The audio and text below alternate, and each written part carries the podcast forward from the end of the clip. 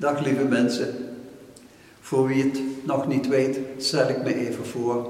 Ik ben broeder Jozef, Jozef Essing, en ik woon hier in het Dominicanenklooster. Ik heb een vraag aan u. Is het bij u ook zo stil als bij ons? Ja, het leven hier is echt van de ene dag op de andere compleet stilgevallen. Bijeenkomsten zijn afgeblazen. Bezoek naar buiten is gecanceld.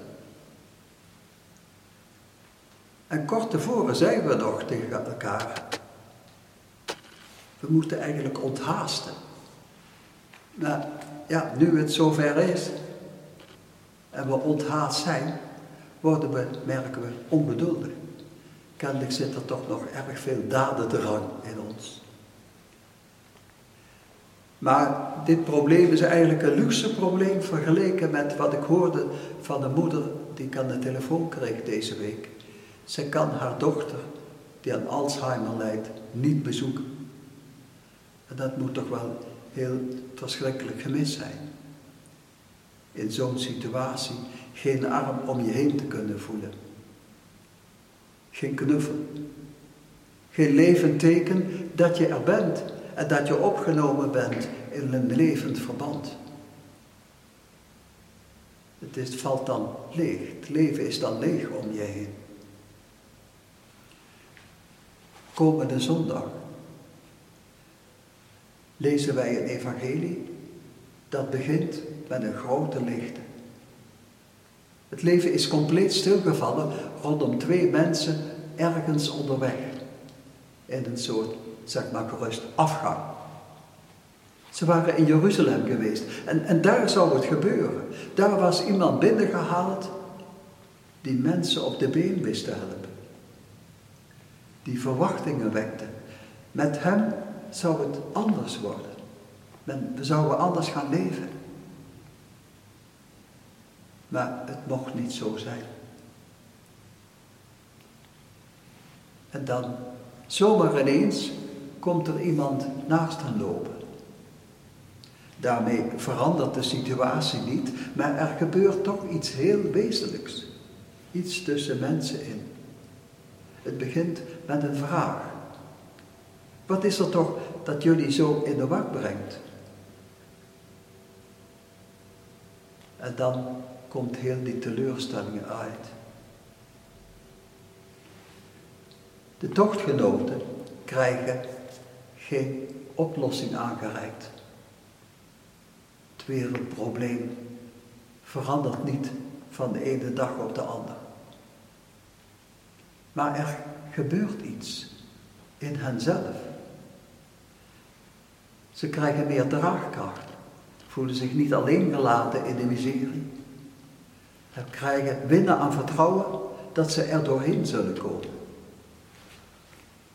En dat pakt hun ongemerkt zo dat ze hun metgezel vragen bij hun aan huis te komen als het avond wordt. En dan gebeurt er iets bijzonders. Of eigenlijk iets heel gewoons op het eerste gezicht. Iets heel kleins. Waarvan je iedereen zich misschien afvraagt, wat betekent dat nou eigenlijk? Hij neemt brood wat ze hem voorzetten. Hij spreekt een dankgebed en die deelt het met hen. En dan gaan hun ogen open, staat er. Want ze zien het, ze zien het. Dat is Hij. Zo deed Hij. Geven wat je hebt, ook al lijkt het nog zo weinig.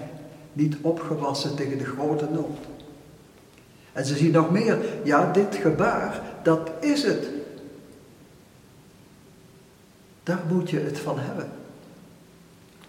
Deze presentie van liefde. Van geven wat je hebt, wie je bent. Die hebben ze geprobeerd uit de wereld te helpen. Maar die is niet tegen te houden. Dat zien ze. Dat gebaar, die presentie, deze presentie van liefde is niet tegen te houden. Die gaat door de hardste steen heen. Dan kunnen ze verder.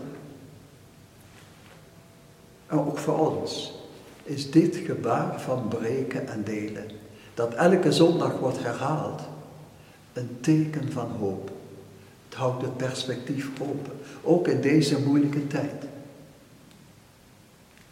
We zingen het in een lied. Voor, voor mensen die nameloos, kwetsbaar en weerloos door het leven gaan. Verschijnt hier een teken, brood om te breken, wij kunnen bestaan. Helaas kunnen we in deze coronatijd dit brood niet aannemen met onze mond. Maar we kunnen het wel met ons hart. En daarmee bedoel ik verlangen dat deze presentie van liefde, deze bezieling, de mijne wordt. Dat de liefde die in Christus is, in mij komt. Dat de geest die in hem ademt, in mij ademt. Breek open wat er aan ego in me is. Maak mij open en ontvankelijk. Een mens die delen kan. Een mens worden die deelt.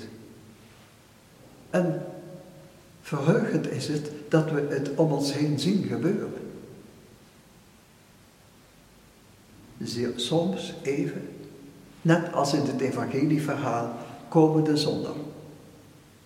Juist nu contact fysiek niet mogelijk is, wordt de waarde van het delen van het leven sterker dan ooit gevoeld.